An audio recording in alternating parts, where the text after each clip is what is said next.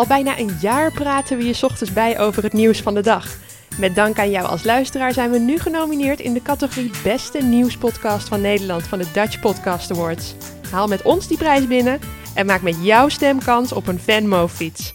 Ga naar nu.nl slash podcast en stem op nu.nl's Dit Wordt Het Nieuws.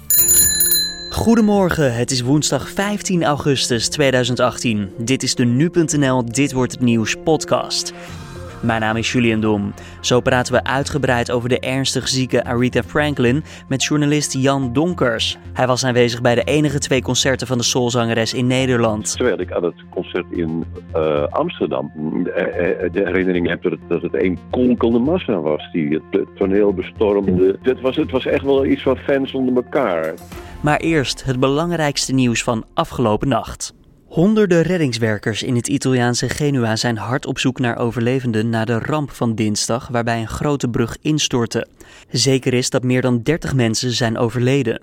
Volgens de BBC horen reddingswerkers nog mensen onder het puin. We blijven de situatie nauwlettend volgen op nu.nl. Nederlanders bewegen het meest van alle Europeanen. 80% van de Nederlanders fietst, wandelt, tuiniert of zwemt wekelijks. In Europa ligt het gemiddelde op 44%. Dat blijkt uit een onderzoek van de Europese Commissie, waarover Trouw schrijft. Voor het onderzoek zijn vorig jaar ruim 28.000 Europeanen van 15 jaar of ouder onderzocht, waaronder meer dan 1000 Nederlanders. Meer dan 300 priesters worden verdacht van seksueel misbruik in de Amerikaanse staat Pennsylvania. Het misbruik vond plaats in de jaren 70. Volgens de autoriteiten zijn er meer dan duizend slachtoffers en vele van hen hebben zich vermoedelijk nog niet gemeld. Dan kijken we naar de nieuwsagenda van deze woensdag 15 augustus. Het gaat slecht met soulzangeres Aretha Franklin. Volgens de Amerikaanse zender CNN is de zangeres thuis in hospicezorg. Haar familie vraagt om privacy en gebeden. Franklin wordt gezien als een van de grootste artiesten aller tijden. Vorig jaar kondigde ze aan om deels met pensioen te gaan, maar in november zong ze alsnog op een benefietconcert voor de Elton John AIDS Foundation. Journalist Jan Donkers was bij de enige twee optredens die Franklin ooit in Nederland heeft gegeven. Dat was in 1968 in Rotterdam en in Amsterdam. Ja, meneer Donkers, dat waren bijzondere optredens voor Franklin, toch? Uh, nou ja, in zoverre dat, ze, uh, dat het haar eerste optredens waren in, buiten, uh, buiten Amerika. Ehm, ze, ze, ja, of ze toen al wist dat ze vliegangst had, dat weet ik niet. Maar het is, het, het is daarbij gebleven eigenlijk. Het is volgens mijn informatie haar enige buitenlandse tournee geweest. En dat was dus ja, aan het begin van haar carrière. En mogen, wij mogen dus ons de mensen van mijn generatie die erbij waren, mogen ons heel gelukkig prijzen dat we dat uh, hebben gezien. Ik heb het toen, ik, het is toevallig dat ik ze allebei heb uh, meegemaakt. Dat kwam omdat ik toen voor de Volkskrant schreef. Uh, en omdat de krant, een ochtendblad, dat is waarvan de deadline ongeveer op middernacht ligt. ik was natuurlijk van plan om alleen maar naar het concertgebouw te gaan, maar dat, daar woon ik bij om de hoek. Dat was s'avonds ook? Ja, ja nee, dat was s'nachts, hè. S'nachts. Het was een nachtconcert. en in, in, Rotterdam was het s'avonds om acht uur. En ik moest dus voor de krant naar, naar Rotterdam toe. En toen heb ik in de trein heb ik mijn uh, recensie geschreven. En toen daarna om 12 uur ben ik naar het concertgebouw gegaan. En dat was. Uh, dus ik heb ze allebei gezien. Het was, het, het, was nogal een verschil tussen de twee concerten. Um, en wat was er zo speciaal aan het concert in het concertgebouw? Nou, het was, het was veel, veel ruiger, veel, uh, veel ongeordender dan in, in Rotterdam. In Rotterdam was het volgens mij recensie, want daar kan ik niet erg veel meer van herinneren, was het een beetje tammer. Het was niet eens uitverkocht en uh, het orkest dat, dat uh, overstemde haar nog af en toe, de blazers dan met name natuurlijk.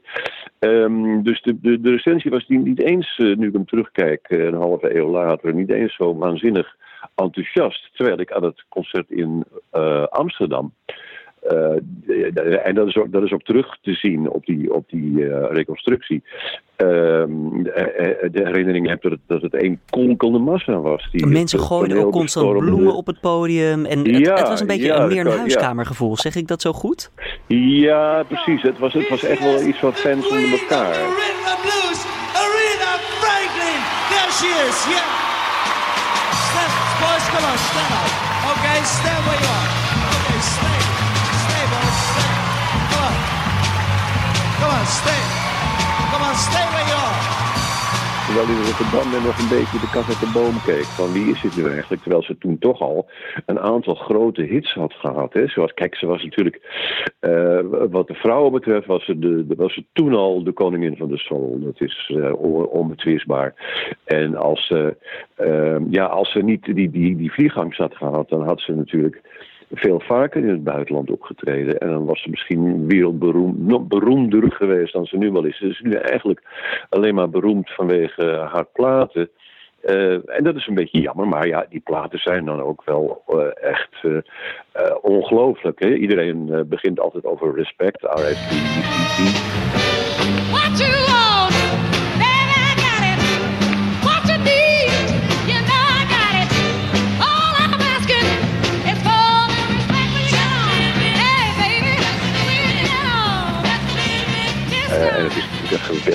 nummer. En Think is geweldig. En nou ja, nog veel meer. Mijn, mijn, mijn, mijn grote uh, favoriete nummer, dat is I Never Loved a Man, the, the, Way That I Love You. Dat is, dat is een medium tempo nummer.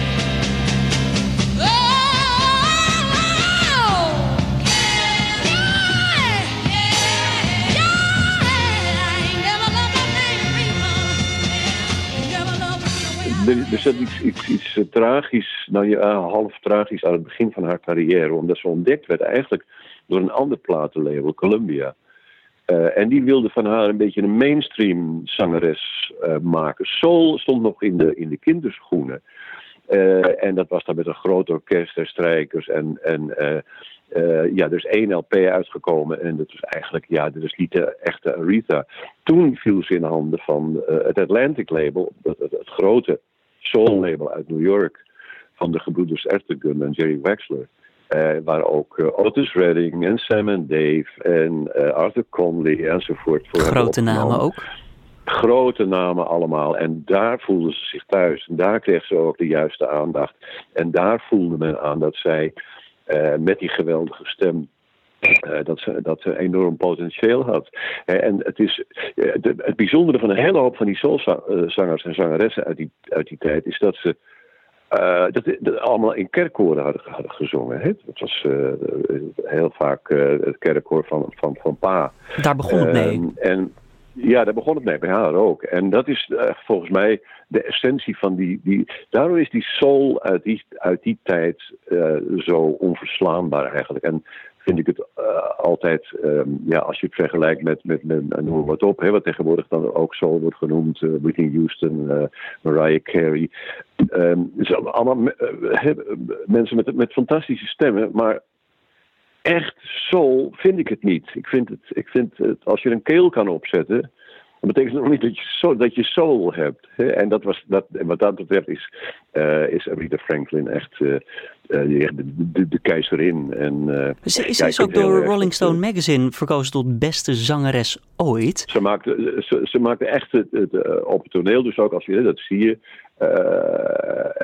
de indruk dat ze haar hele soul, het woord zegt het al, dat ze haar hele ziel, haar hele hebben en houden erin gooide.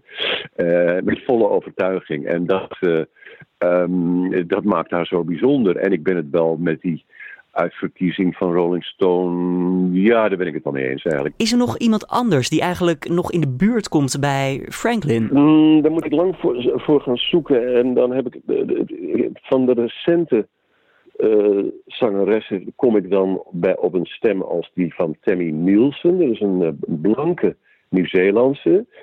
Uh, die een echt een geweldig geluid heeft, vind ik. En die heeft net, net een, er is net een plaat verschenen van een duo. Dat heet uh, de, de, de Mr. en Mrs. Trotter. Ja.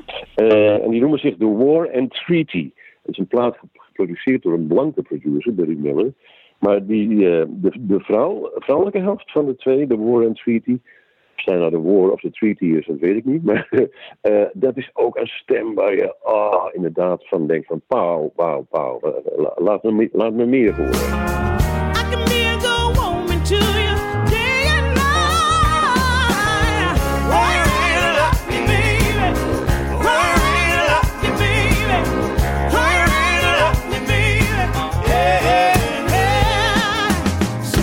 Meneer Donkers, dan wil ik u als laatste vraag nog één keer even ja, mee terugnemen naar dat concert in het Concertgebouw 1968. Hoe was Aretha Franklin als persoon? Ik heb haar toen niet gesproken. Uh, ik heb haar niet geïnterviewd. Um, maar op die, uh, die video die ervan bestaat, zie je hoe ze wel door um, Joost de Draaier wordt geïnterviewd.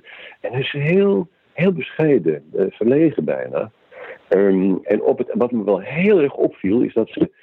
Het was een rumoerige zaal. Uh, jongens klommen op het podium. Er werd met bloemen gegooid. Dat ze vrij onverstoorbaar, terwijl ze er, er, zichtbaar van genoot. Terwijl ze vrij on, dat ze toch vrij onverstoorbaar uh, door bleef zingen. Ja. de, de, de, de, de beveiligingsmensen die, uh, die waren in totale paniek. Want die dachten, oh god, dit gaat uh, om, om, een totale ramp uitlopen. De, die jeugd is losgebroken. Dames en heren, en nu gaat u allemaal zitten. Allemaal zitten, anders gaat de show niet door. U gaat nu allemaal zitten. Anders, u gaat nu zitten. Oké? Nu gaat u zitten en u staat niet meer op. Ik heb het vriendelijk gevraagd, het kan niet. U gaat nu zitten, anders gaan we niet door. Oké, het is dus aan u. Ladies and gentlemen, here she is again, Miss Rita Franklin. Uh, zij was uh, heel zelfverzekerd eigenlijk. Terwijl ze in, in dat interview juist een beetje bescheiden en bijna onzeker overkomt. Dus uh, ja, de, ze haalde de, de kracht uit, uit de muziek, denk ik. Ik, ik denk dat ze... Een echte artiest. Zong, ja, en zolang ze me zong, dacht ze, gaat het wel goed. En heb ik de overhand. En uh, hou ik die mensen wel, uh, wel een beetje onder de duim. Voor zover je dat kan bij een soloconcert natuurlijk. Hè. Dus, uh, maar het was, het, was, het was echt, het was, uh, later zijn, uh, hebben Sam en Dave weer gehad, hebben soul shows gehad. Otis niet, want die is al veel te vroeg overleden. maar het was wel ja, een van de memorabele concerten uit, uit de jaren 60. Dat, dat, dat, dat, dat blijf ik zeggen. Journalist Jan Donkers hoorde je. De rechter doet uitspraak in de zaak die draait om de mishandeling van twee homoseksuele mannen in Amsterdam. Op het Damrak werd het oudste slachtoffer geslagen en geschopt. Hij raakte enige tijd buiten bewustzijn en verloor meerdere tanden. Er zijn in de zaak straffen tot vijf jaar cel geëist. En vandaag volgt de uitspraak in een kort geding tussen omroep BNN-Vara en politieke partij DENK over het gebruik van bronmateriaal. Het radioprogramma De Nieuwsbv van de omroep meldde in juni dat de politieke partij een nepnieuwscampagne plande. BNN-Vara heeft uitspraken die werden gedaan in een voorgesprek door Kamerlid Farid Azarkan tijdens de uitzending gebruikt, terwijl daar volgens DENK geen toestemming voor was gegeven. En dan nu het mediaoverzicht voor deze woensdag. Uit onderzoek van onder meer de Universiteit van Stockholm blijkt dat belastingparadijzen een cruciale rol spelen bij ontbossing van de Amazone en bij illegale visserij. Daarover schrijft Trouw. Belastingontwijking is niet illegaal zoals belastingontduiking, maar omdat er weinig transparantie bestaat, kunnen bedrijven makkelijk schadelijke activiteiten verbloemen. Het instituut onderzocht de vijf grootste soja, vlees en leerproducenten.